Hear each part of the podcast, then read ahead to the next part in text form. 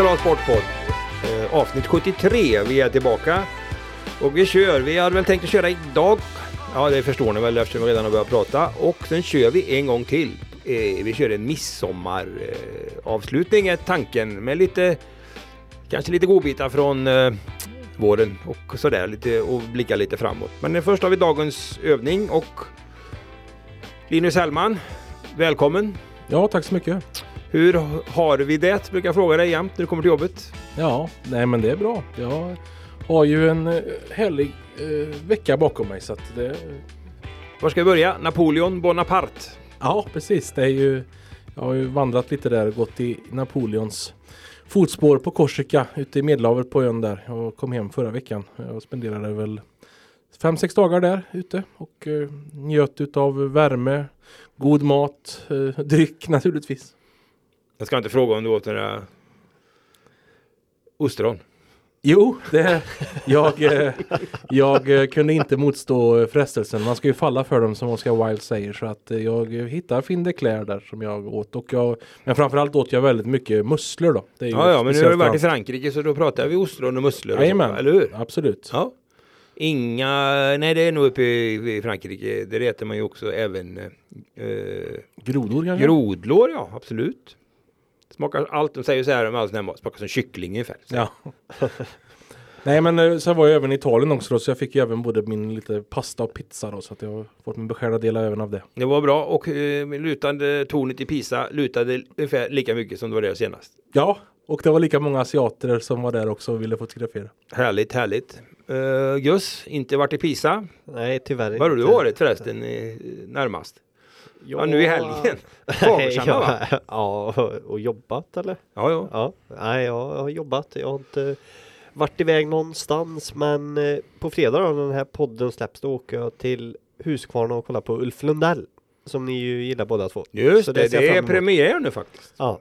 Så du har biljetter till den. Det är bra arena där. Det är, faktum är att senast han var där, då var jag och Hellman där. Men vi var inte där samtidigt. Eller jo, vi var där samtidigt men inte tillsammans. Så kan man säga. Så okay. kan man säga ja. Jättebra. Folkets park i Huskvarna. Klassisk ja. arena har det blivit. Bra, ja, mycket bra publikplatser. Luta bra brant ner mot scenen där. Om man kommer ihåg rätt. Så att, eh. det var en uh, underbar kväll. Ja, det är bra. Det skulle jag gärna vilja. Men det funkar ju inte riktigt då. För jag ska ju jobba i helgen, är meningen. Uh, ja då, vad har jag gjort? Jo, varit i Stockholm faktiskt. Över helgen. Bara en, absolut ingen idrott överhuvudtaget utan bara strosat runt, ätit gott, mått gott. Och Djurgårdsfärjan, var allmänt turist, turistiskt så. Men eh, ja, kul. Ja, det, du kom till ditt älskade Hasselbacken. Absolut. Det, det ja, måste bo måste man ju Det låter som man riktigt sådär glassig. Men jag trivs bra. Det är bra, framförallt bra att bo ute på Djurgården. Det tycker jag är lite kommer man ifrån det lite ändå väldigt nära då in då. För att ja. då går det liksom spårvagn. Till och med det i Stockholm. Till centralen ja. har de ju, för det var ju den här museijärnväg med kan man säga, som gick från Norrmalmstorg till Gröna Lund. Men nu går den ju från eh, centralen ända bort till Valdemarsudde då, mm. det här eh, museet och tillbaka. Så att, äh, jätte, jättetrevligt, kanonväder faktiskt. Varmt och skönt och bra, kul. Du har, alla sätt. du har reparerat bilen också eller? Hur var det med det? Ja just det, jag har varit bil på service. Uh, ja, det är också det. Jag skäller ju på Gus här att uh, han har lite ibland sådär kommer på fel, inte på fel dag och inte kommer till jobbet. Men undrar lite, hur, när jobbar jag imorgon och hur ser det ut och sådär. Men det var ju så att lämna in bilen, jag får väl erkänna det. Torsdags kom dit, sju på morgonen, hade skrämt upp sambon för säkerhets skull och lånat svärmors bil så vi kan åka tillbaka. Kommer ut, säger han till mig, kolla, vänta, ta kolla lite här i papperna. De kom ut där till du sa det är imorgon. Aj då. Ja, så hur gör vi nu? Ja, du får komma tillbaka imorgon. Så gjorde jag det i fredags. Så att, ja, ja, det var, får man lära sig utav. Men ja, det är inte så ofta man gör sådana misstag. Men så, så, det var ju ändå hanterbart. Så, ja, kul grej. För dem, så, i alla fall så här i efterhand. Ja. Okej, det var det. Vi går väl in i sportens värld. Vi hade ju en lite annorlunda podd uh, förra veckan. Ja, annorlunda annorlunda, vi har gjort det där förut. Vi brukar ju bjuda in uh, lite profiler och i SLA Sportpodd möter har vi kallat det för. Började vi med redan förra året. Vi hade lite handbolls, Helt Jepsen och Jack Turin i det. Och nu hade ju du uh, Gus bjudit in tre bröder Granat. Jajamän. Direkt från Timmersdala. Ja, det var, det var kul. Det var tre, de är ju, ja vad ska man säga, de är tre jordnära brorsor som har tagit sig hela vägen till eh, elitfotbollen och det är väl inte varje dag det kommer tre bröder som tar sig så långt. Och kanske särskilt inte utifrån Timmersdala. Nej, men jag lyssnade. Det var jätteintressant att höra dem här om Eh, de här bröderna lite. Det märks ju att eh, de är ju bröder ja, på riktigt. Det är klart att de är, men den där rivaliteten och lite glimten i ögat, men ändå lite sådär. Jag kan tänka mig att eh, jag förstår ju att han eh, William som är yngst och att han har naturligtvis blivit jagad av sina äldre bröder och sen har de slått som yngre. Eh, Gustav och William har slagit sig ihop mot eh, Viktor då, som är storebror och har haft sina duster. Ja, Och det är nog inte bara, jag tror att den där leken som man håller på med en liten, den har gagnat dem även när de har i sitt fotbollsspelande alltså. Det har både härdat och utvecklat, det tror jag. Spårat varandra verkar det liksom. Så. jo man förstår ju att det har gått hett till ute på Timmersdala IP några gånger där. När, men när de har brakat samman både på och utanför fotbollsplanen. Men de, och det har de ju ändå med sig alla tre. Jag tycker det är nästan det tydligaste liksom likheten på dem när de spelar. Att de, att de är beredda att kämpa liksom varje eh, match. Sen är det ju duktiga fotbollsspelare också. Men just det där med redo för att Ja, inställningen. Inställningen ja, den finns ju där hela tiden. Det har de gemensamt. Ja, men de, de är ju kända för det. De gick ju inte ner sig och det var- kom ju fram väldigt tydligt. William är ju naturligtvis en favoritspelare för Tobias Linderoth och det var ju även eh, Viktor Granat då. Han var ju till och med så bra så att han fick ju ett, ett anbud och med bra villkor i Västerås som han nu är inne på. Det har ju fortsatt gått bra även om laget har gått lite knackigt och så. Gustav vet jag ju också som Degerfors, han har ju hållits otroligt högt utav ledningen där alltid. Men det är ju just den här bra fotbollsspelare men också att man, man viker inte ner sig alltså. Man Nej. frågar inte efter något direkt, utan man kör bara.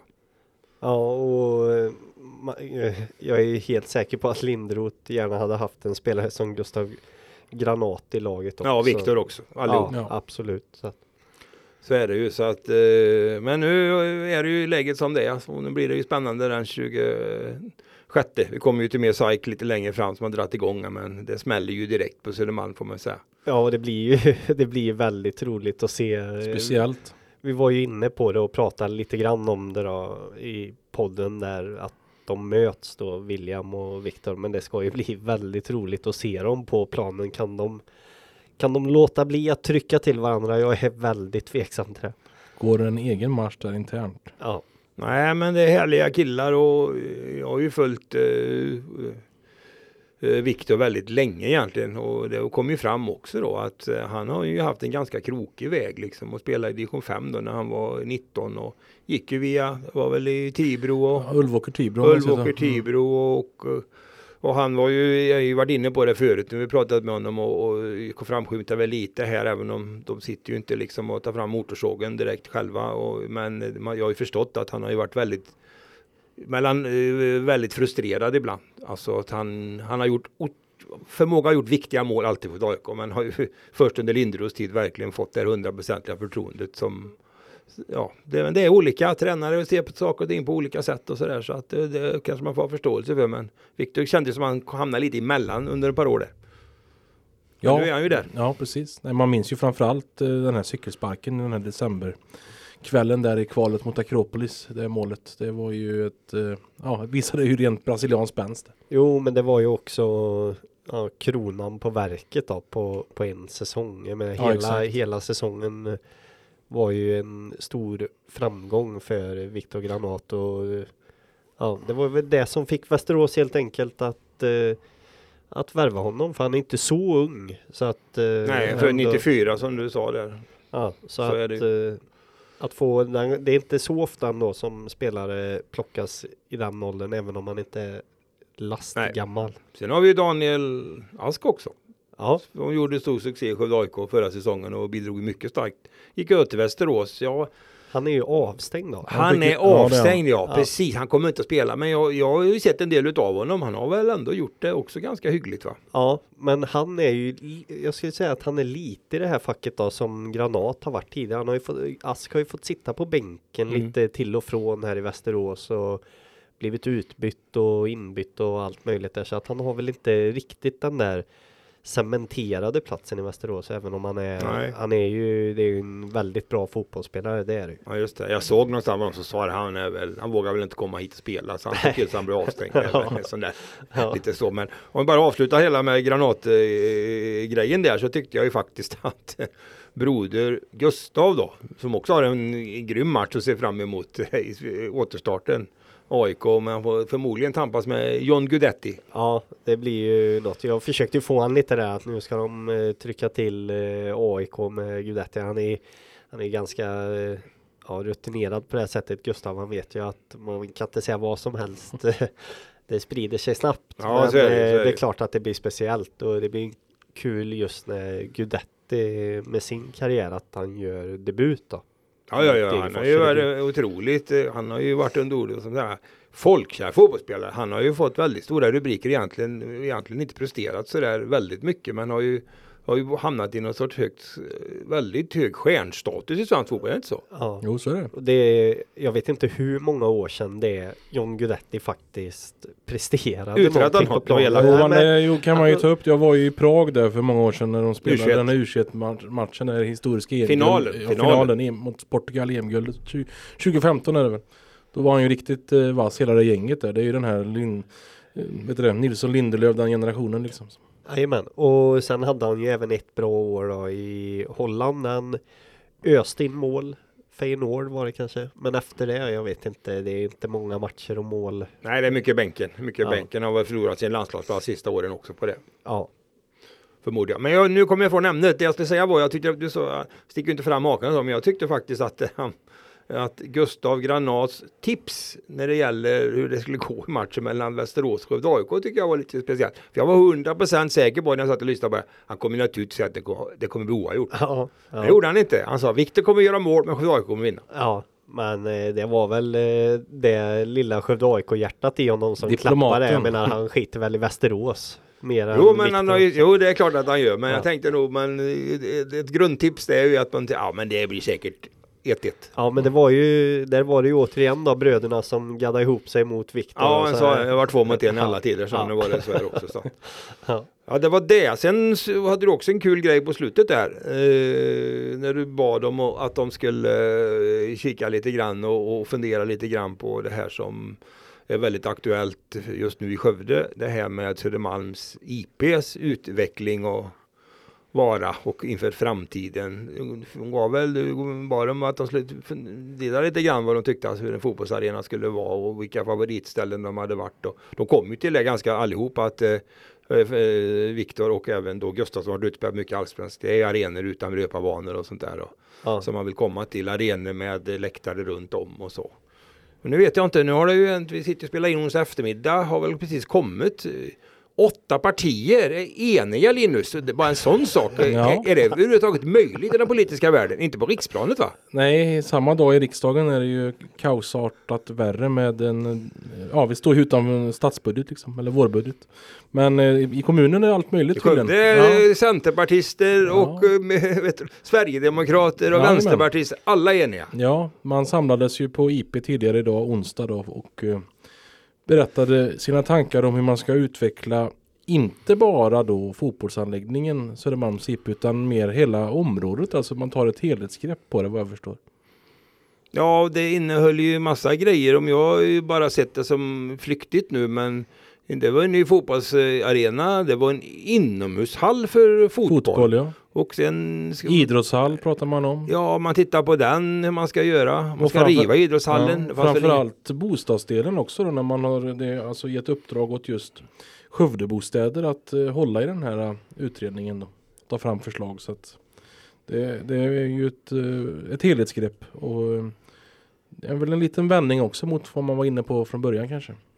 Ja, precis. Det jag funderar mest på, och sådär, bara sätter från sidan nu bara som hastigast, att ska man få plats med allt det här? Man ska bygga på höjden såg jag tydligen. Ja, nej geografin är ju där den är då, men man pratar ju om då hela vägen ner till eh, bensinmacken va? och även området kring ja, parkeringen vid grusparkeringen vid idrottshallen. Alltihop. Ja, hela området Ja, ner. Det, ju, ju- finns ju plats naturligtvis längt med järnvägen ner mot eh, ja. Eh, Vad har vi för vägar där nere? Ja, ner mot Falköpingsvägen, macken där nere. Ja, exakt. Det är ju en liten parkering där också och finns väl lite ytor på andra sidan. Det stod ett fotbollstält en gång i tiden, så en släggbur där nere idag bakom eh, Ja. i ett lägre område. Så att, Vi, vi, jag och Linus kollade lite på ritningar, eller inte ritningarna men på kartan där. Det finns ju ganska mycket utrymme. även om Mm. Det är inte obegränsat men det finns ju utrymme där ner bakom man pratar konstgräsplanen. ja, man pratar ju om, ny, om nybyggnationen där eh, med de fastigheterna som ligger där precis intill då vad man ska göra även där om det finns möjligheter att vilka förutsättningarna är för att utveckla det då? Men då kan vi i alla fall konstatera och fastställa, det har vi sagt tidigare, att eh, det kommer att bli en, en, en stor satsning på idrotten och med eh, matcharenor och allt möjligt på platsen där Södermalms IP och idrottshallen ligger idag i, i centrala Skövde. Ja, man har ju släppt de andra tankarna på andra ytor utan det är där man fokuserar. Finns det något politiskt val som kan ändra på detta?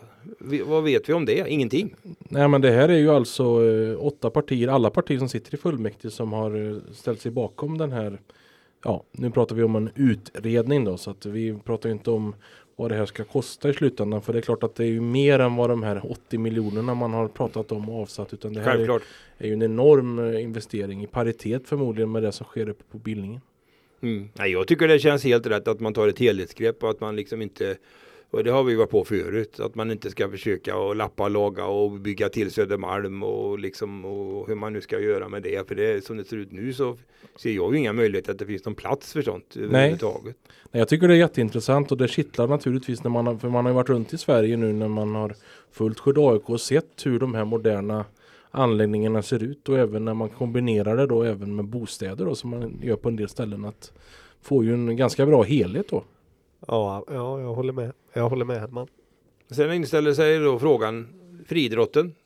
Ja, då har man ju gett ett, en konsekvens är ju då att man ska hitta någon eh, lokalisering för friidrotten framöver. Du pratar ju med någon representant där för IF Hagen friidrott vet jag Gus. Ja, de var ju, de var ju lite besvikna men de hade ju ändå räknat med det. De har ju, ja, de har ju följt det som skrivs och sägs och att de här löparbanorna skulle försvinna. Det har väl egentligen varit ganska självklart när man ska då satsa på en ny arena och då får ju IF Hagen får ju flytta på sig här och det är inte klart vart, eh, vart de ska ta vägen. Men det de säger är att de väldigt gärna vill vara med och påverka och hur den nya då friidrottsanläggningen helt enkelt ska Men se det ut. kommer nog säkert att vara för att vad jag läste in i de där papperna så var det väl så att eh, är det kommundirektören eller var det, det var ju någon i alla fall som får uppdrag att, eh, Ja.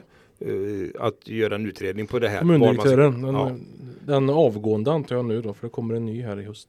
Ja, en från Falköping. Ja. Björn Söderlund. Det Exakt. blir väl hans första. Nej men jag tror ju också att ska man, för friidrotten måste hanteras med mycket, mycket stor respekt.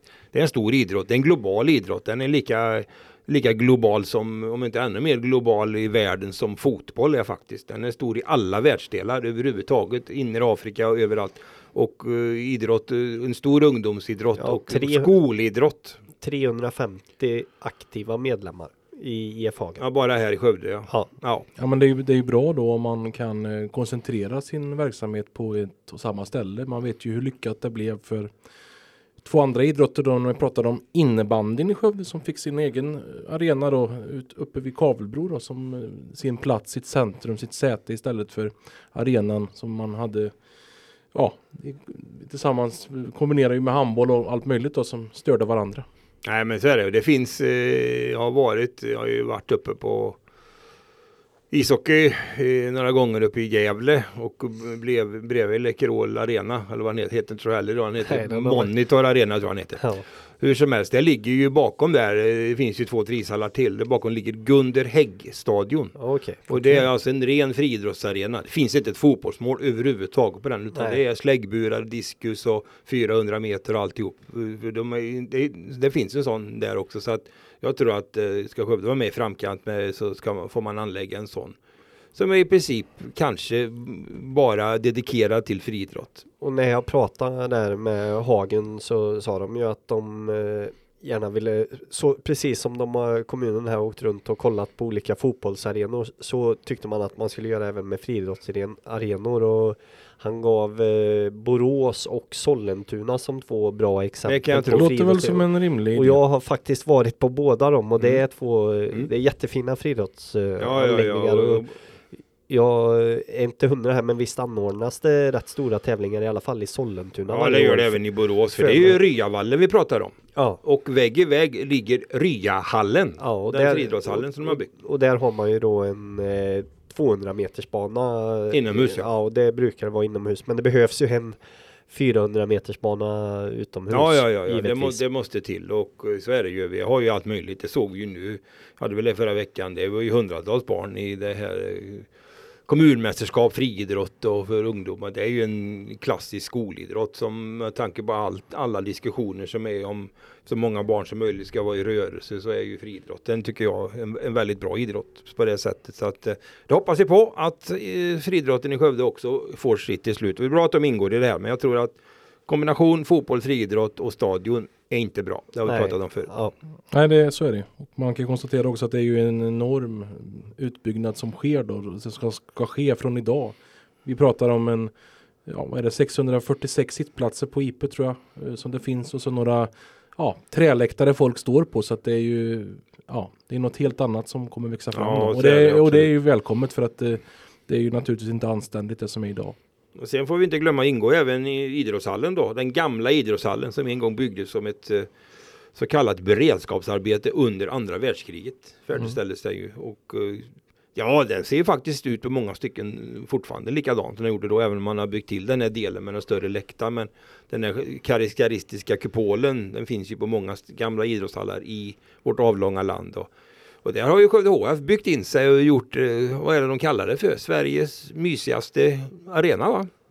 Så, Ja, det är möjligt att Säger de har, de. Jo, de har men det säger Men de har ju målat om och gjort det till Jajamän. Helsingborg har de gjort. Vet så är det absolut. De tycker att den är fantastisk. Och den är ju ansiktslyft. Det ska vi inte, ska vi inte klanka ner på det. Men, Så är det ju. Men den är ju men den ska också utredas. Ska Ja, också och den är utredas. också eh, i behov av att eh, renoveras eftersom jag minns ju förra hösten då Ja det läckte ju som ett såll. Det var ju bara Jajamän. vatten rätt ner så man fick ju flytta Anlis Cup till arenan tror jag någon dag. Så är det. Ja. Då eh, gjorde de ju verkligen uttryck på att de vill ju har inget emot arenan men eh, de ser ju mer idrottshallen som en mer adekvat ändamålsenlig hall Ja. för deras verksamhet då. Men det ingår i det projektet också. Titta över en idrottshall. Ja, den finns, med, ja den finns med också men det är mycket som är förhöjt i dunkel vad man egentligen vill då. Men något ska väl man väl titta på.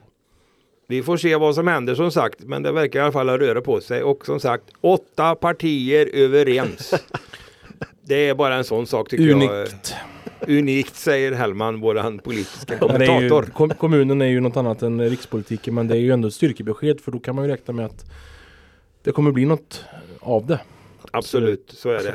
Södermalm, ja, men vi kan väl ändå, vi ska inte fördjupa oss så mycket ändå i Skövde AIK för att de har ju sommaruppehåll. Men ni, ni var ju nere och tittade lite grann. Man har sparkat igång igen nu träningen och ska göra en träningsmatch i helgen i, i Danmark mot Ålborg. Och nu verkar väl Johan Fellrath vara tillbaka i, i full träning. Och då frågar var ska han spela då? Ska Jakob Lav sitta på bänken då? Eller ska de spela med båda två eller?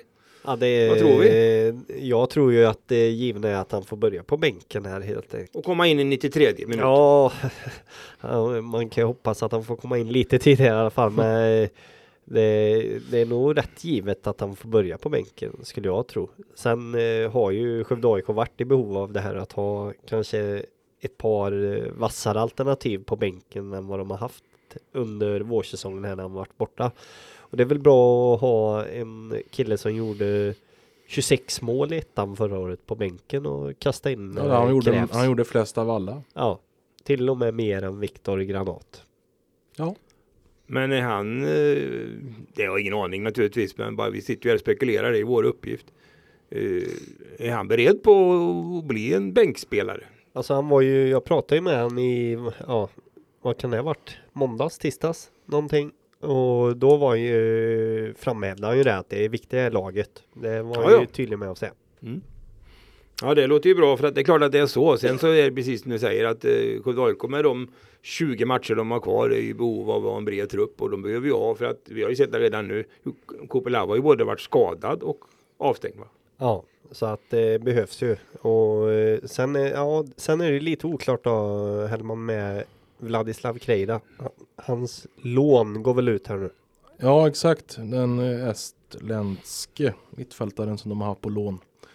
Det är, ju- löper ut sista juni. Han lär ju finnas med tillgänglig i truppen mot Västerås här, men sen så återstår det ju att se då. Han är, det är ju en ukrainsk klubb som han också är utlånad till då. Och mitt, det rasar ju förvisso ett krig mitt i Europa i just Ukraina då, men det verkar inte förhindra planerna på att dra igång fotbollsspel i Ukraina eller alternativt Polen kanske vad jag förstod så att eh, han, han har lite olika möjligheter om nu ligan går igång där. Men vad är känslan om eh, vill de ha kvar honom om det är möjligt eller? Ja är men de det, nöjda med honom? det känns väl så. Ja, Även- ja, men, ja. Men, en, men de är väldigt tydliga med att de har en alternativ. Då. Plan B. Ja, plan B heter det lite populärt då. Att de ska ju, de vill ha en, in, en innermittfältstyp då. Så det är den positionen de tycker att de ska ha konkurrens på. Ja, det behöver de ju. Ja. Annars blir det lite väl tunt. Mm. Nej men så att det, är väl, eh, ja, de var väl inte stressade så för att eh, fönstret öppnas ju inte förrän senare i juli liksom, transferfönstret. Möjligheten att ta in spelare. Då. Nej precis, så vi får se då. Nu har vi ju som sagt eh, Ålborg där och sen är det idag Västeråsmatchen den 26. Och sen rullar det på. Eh, Men matcher, det är inga mer uppehåll för Jo, vi, eh, vi, Hur har vi det? Hur har vi det? Ja, vi redde ut det. Vi lyckades ju hitta två veckor där, september och eh, oktober. Det är det enda hålet alltså som finns i spelschemat. Det är väl någon landslagshistoria. Ja just det, just det. det är, annars är- säkert, det är säkert dags för det här mycket härliga Nations Ja, Nations League är populära och det är väldigt framgångsrika ur svensk aspekt. ja, kan du säga en spelare som var med i svenska landslaget i Nations League? Ja det kan du kanske. Ja, jag kan kan säga- du säga fem spelare? Nej, men det blir ju svårare då liksom på så sätt. Det var ju, var ju mest snack om någon som inte var med tyckte jag, så att det var lite tråkigt. Ja, jag tror nog nästan att de som inte var med hade slagit de som var med om man hade liksom tagit ut två sådana elva. Det var väl sån där klassisk kommentar, kommer inte ihåg om det var en fotboll eller hockeyspelare, hundra år sedan, de här roliga, som sa de enda som stärkte sina aktier i de här matcherna, det var de som inte var med. Ja. Ungefär. Nu var vi elaka för att Nej de- men det är ju ganska, ganska ointressant för de här spelarna ska ju inte vara med ändå sen och spela med varandra. Så att det är ju Ja, Nej, jag, Filip Skyberg kunde vara med och spela mittback enligt mig. ja. Så jäkla bra som han är. Ja, faktiskt. Nej, vi kanske inte ska sätta oss på de hästarna. Vi får väl lita på våran Janne Det Andersson. får vi göra men det är klart att det kändes väl Det var väl fantomsmärtor i alla fall lite grann här att Norge ändå slår Sverige inte bara i skidor utan även i fotboll dubbla gånger. Ja, så är det. Vi är nere på nivå, som, som de kallar det för. Ja, verkligheten kommer ikapp. Ja, nej, det, Norge är ett fantastiskt idrottsland. Handboll är de ju bra i också. Ja, ja. Det vet vi. Vi har ju haft norska tränare här som har räddat Skövdehandbollen. Om vi ska vara elak. Jonas Wille först och sen håller ju Birkelund på och bygger upp någonting i Skövde HF som också ser spännande ut. Men det får vi ta i andra poddar. Vi får se. Eh, fotboll som rullar på då, som är lite intressant, som vi alla har varit och tittat på faktiskt eh, eh, senaste veckorna. Det är ju IFK Skövdes framfart i division 3 som imponerar ju väldigt. Och jag kan väl nästan hävda att de är snart på väg att avgöra den här serien. Ja, det är de. Jag kollade tabellen precis innan jag gick in här för jag var tvungen att kolla hur Alingsås är ju topplag där också, men de kryssar bara här senast. Så nu leder IFK serien med fyra poäng när eh, halva säsongen är spelad. Och IFK när de mötte Alingsås, det var 4-0 till IFK Skövde och jag såg IFK Skövde mot ett annat topplag, Vårgårda. Var inte jätteimponerad av Vårgårda heller så att eh, ja, det lutar verkligen åt att eh, IFK kommer ta sig direkt tillbaka till division 2.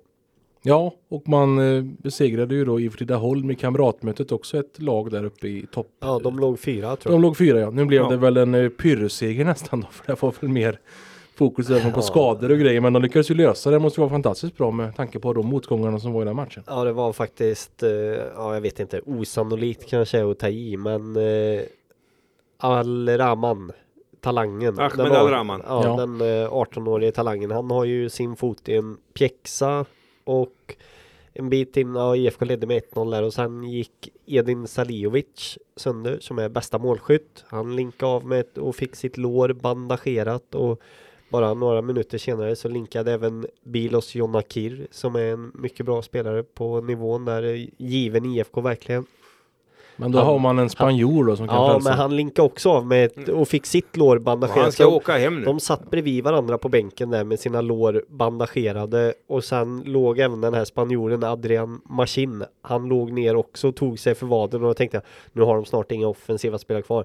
Men han spelar vidare då i alla fall. Det, det gick och han gjorde ju de två sista målen i andra halvlek där så att de vann. Så att de kom undan trots alla skador. Nej, det är väl ett lite roligt för han har ju varit fantastiskt bra. Eh, spanjoren eh, har han ju varit. Och, Ja, men han ska ju hem nu då, så att han spelar ju vårsäsongen. Ja, Sen återvänder han Precis till som föregående- Lanzarote, föregående Linus. Hellmans favoritö. Hela- Lanzarote. Ja, nej men Kanarierna är härligt. Men han var, ju ganska, eh, han var ju ganska bra förra året också men de har ju flyttat lite på Han var honom. Vänsterback då. Ja, Ja, så nu spelar han ju på topp liksom. Ja, och då är han han, ju verkligen eh, en riktigt bra spelare.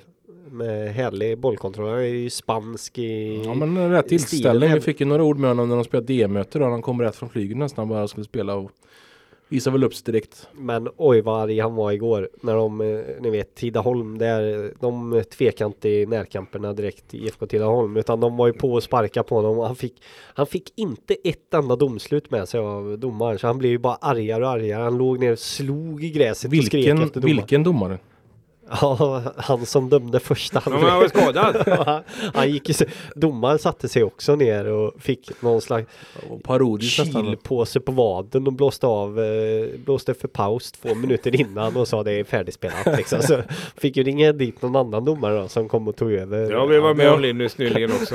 Det var ju något annat. Det var ju någon hjärtklappning på, Ja. efter uppvärmningen. Ja, i Göteborg där. Man fick, då fick man verkligen ringa in en eh, ny domare som kom. 40, matchen började väl en trekvart senare tror jag. Ja, Då kommer ju han, vad heter han favoritdomaren? och Pong. Fredrik Opong, Jajamän. Örgryte. Ja, han, han är inte med, han bor i Örgryte. Ja, men jag, bara, jag tror det är så Det- det, står Det, är ju, det, är, det här är ju Hellmans specialämne verkligen. Och säga vart olika domare kommer Ja, ifrån. men jag tyckte det var bättre förr när de verkligen skrev ut det i Ja. protokollen. Så man Ja, men det visste. vågar man inte av säkerhetsskäl tror jag. Allvarligt Ja, det är- talat. är inte på höga nivåer i alla fall. Ja, men det, Nej. Sverige är ju en öppen bok så det går att ta reda på. Ja. Sverige är en öppen bok, ja. Så är det. Nej, men det är ju kul med IFK tycker jag. Det är ju Charbel Abraham då som har jobbat många år och både i Skövdefotbollen och gjort det väldigt bra i Skövde AIK och, och sådär. Så att nu är han på väg. Så vi eh, kommer ha ett division 2-lag i Skövde igen nästa säsong. Och så hoppas vi verkligen att vi har ett lag i Superettan. Nu har vi en riktig standardhöjning. Så Ja. får vi se vad som händer på sikt. Om det blir en konkurrens eh, mellan klubbarna ännu mer. Jag ja, vet inte. absolut. Jag kan ju säga det, för senast IFK var i division 3, då gick de ju obesegrade genom säsongen och så gick de upp i tvåan och så åkte de ur i fjol. Och nu har de ju spelat halva säsongen obesegrade igen här. Jag frågade ju Charbel när jag pratade med honom igår om det kan det gå obesegrade här nu. Och först var han ju lite sådär eh, defensiv och sa men det är bara halva säsongen kvar och sen eh, Ah, kan man gå första halvan obesegrad så kan man nog gå andra halvan obesegrad. Så det är inte omöjligt sa han. Och det är alltid coolt när något lag eh, går igenom en säsong utan att förlora. Men så är det ju det. Sen finns det ju då lite då, span- spanjoren försvinner. Sen är det ju då, jag var ju uppe på matchen mot eh, Gärsken som han vann hur enkelt som helst och då var ju han, han blev ju skadad där igen då tyvärr. Jag pratar om Ahmed Al-Rahman då. Riktigt bra annars alltså. Ja. Kvick, bra skott och äh, mycket bra. Jag sa det, vi pratade om det jag och Charbel efter att eh, får ju hjälpa av pojken att han kommer då bli så bra för han har alla bra, bli så bra som möjligt i fotboll för han är bra alltså. Han Ja, har, det. Sen har han ju massa andra grejer då på sig. Men nu är han i alla fall 18 år fyllda. Så att nu är han ju myndig då. Så kanske förändra bilden lite grann med, med den, eh, ja, den privata situation som inte har varit så enkel. Utan att gå in på den då så finns det ju så. Men eh, vi hoppas på det bästa för det är en fanta- fantastiskt bra fotbollsspelare det är redan tycker jag. Ja, det är ju Verkligen. verkligen en spelare för en högre nivå. Ja, och han har ju varit uppmärksam. Han var väl Ja. uppe i Örebro och, och, och, och, och tränade. Värvades ju till och med av Skövde AIK. Ja det gjorde han ju då men då var det ju då att han fick inte spela Mm, och elitfotboll och, och, ja. så vidare. Men nu är han ju tillbaka där så att så att det kanske man kan ha en liten fundering annars då för det att jag tror inte att Charbel Abraham kommer sitta med armarna i kors här. Då kan man ju undra vad som kommer att hända med eh, Jag tänker på vår vän eh, Ibrahimovic i Västerås. Ja, absolut. Och han, Amer. Amer Ibrahimovic, han är ju ja, men, i frysboxen verkligen i Västerås. Han är inte ens med i truppen där uppe och jag pratade med han för, vad kan det vara, två veckor sedan hur han tyckte, han sa inte så jättemycket om det. Men man förstår ju att han måste ju röra på sig för att få spela. Han spelar U21 där helt enkelt. Ja. Måste han göra i den, den serien. Ja, och det är väl ingen, det är väl inte jättelångsökt att han eh, kommer tillbaka till Skövde och i så fall IFK Skövde. Nej, det är möjligt. Sen hörde jag någonting också som det är nu för tiden. Han är uppe på de nivåerna. Han har ju säkert en agent som vill hjälpa honom vidare kanske till andra klubbar och så. Men eh, jag säger så här, jag blir inte förvånad om han dyker upp i IF Skövde under hösten. Nej, absolut inte. Men det får vi se. Så är det med det. I övrigt, mycket fotboll idag, men jag tycker väl att det, vi befinner oss i den säsongen också. Men det händer ju faktiskt lite andra saker också. Bland annat så tycker jag ju kan nämna, eh, nu är det ju så att, glömde säga det, Erika Augustssons stol är tom. Och det smärtar oss eh, Ja. faktiskt. Eh, Hon är ledig i semester här och, och, kommer väl tillbaka till helgen. Och det är tur att de kommer tillbaka till helgen. För då är det cross-SM i Tibro. Och det är ju hennes hemmaplan får man ändå säga. Så att eh, vi får säga några, jag tycker vi ska ha några ord om det också. Det är kul att vi får SM i Tibro. Tibro är ju, håller sig väl framme. Ja, absolut. Det blir intressant att följa. Eh, Jag önskar lite att Erika satt här och drog upp eh, förutsättningarna för jag har inte stenkoll faktiskt. Nej, det är väl han Anton Golitz som vi har pratat om mycket förut. Han är väl den högst rankade Tibro-föraren och eh, de här tävlingarna brukar ju samla bra startfält. Sen har vi ju då på damsidan också. Hon Hilda Sjöberg är ju en tjej som går framåt så att jag tror att man har ganska stora förhoppningar i Tibramco MK om mycket framskjutna placeringar. Sen tror jag väl också att eh, många av de här SM-förarna som kommer, de kan Tibros bana innan och utan beroende på att många av dem har gått crossgymnasiet i Tibro. Den nu ne- nedlagda som men under många år var det ju det så att det är ju, känns ju som att det är därför de själva är ganska bra förare tror jag Tibro att många har ju kommit den vägen och eh, det blir härligt. Det är kampen på söndag. Ja, och eh, när vi är inne på motorsport då så var det ju faktiskt så att vi, vår vän inom enduron här då, Albin Elofsson, han fortsätter ju att vinna de här deltävlingarna. Det var ju nu i helgen senast. Ja, i Östhammar var det va? Ja, det stämmer. Visst var det det, var ju Ja. Jan Guillous hästar. Jan Guillou hade blivit lårbensalsen hörde jag på Ja. radion. Han ramlade i Norge. Ja, Han skulle bära en öl åt Ja. en eh, kvinnlig kollega. Han var gentleman och snubblade i en trapp. Han var i, han var i, vad heter det, i fejd med parkeringsmöjligheter på Ja. torget i Östhammar för några år sedan. Hellman drog upp ett Youtube-klipp här i lördags när vi jobbade och jag sa det är Östhammar. Du frågade kör." mig var det låg så att jag var Ja, tvungen att sa visa. Ja, Jan Guillou, parkeringsböter sa. Och så drog han på datorn. Då är det ja, Jan Guillou, han parkerar vart han vill. Ja. Eh, Och, Nej, Nu har han ont i höften. Han kunde gå gick bara mellan, eh, vad var det han sa? Eh, matbord, sängen och skrivmaskinen. Han skriver på en ny roman förresten. Ja, bara en sån sak. Så är det. Nu på, I ja. Öst, det var det jag skulle säga Östhammar. här innan Jan Guillou så skulle jag bara säga att Albin Elofsson det var fjärde raka segern för honom. Han har vunnit alla deltävlingar här i endurons SM. Man säkrar dessa redan då? Nej, det kan jag inte ha gjort, men det ligger väl bra Nej, till. det är ju liksom halvtid där nu Okej, då, så att det, okej. det är några lopp kvar. Han har ju liksom inte säkrat dem, men eh, han lär ju vinna. Så det är upplagt. Ja, men vi har mycket att se fram emot. Jag och Erika jobbar i helgen. Herrarna får ju vara lediga. Hellman, hur ser planerna ut? Det är ju en vecka till midsommar. Har du börjat planera? Sillen inlagd? Ja, just det, precis. Nej, men eh, jag hoppas ju väl på eh, ganska bra väder för jag tänkte njuta av helgen här på hemmaplan. På, Oj då! ja, jag har ju varit iväg och rest de sista veckorna här nu så att man får även se det man har här.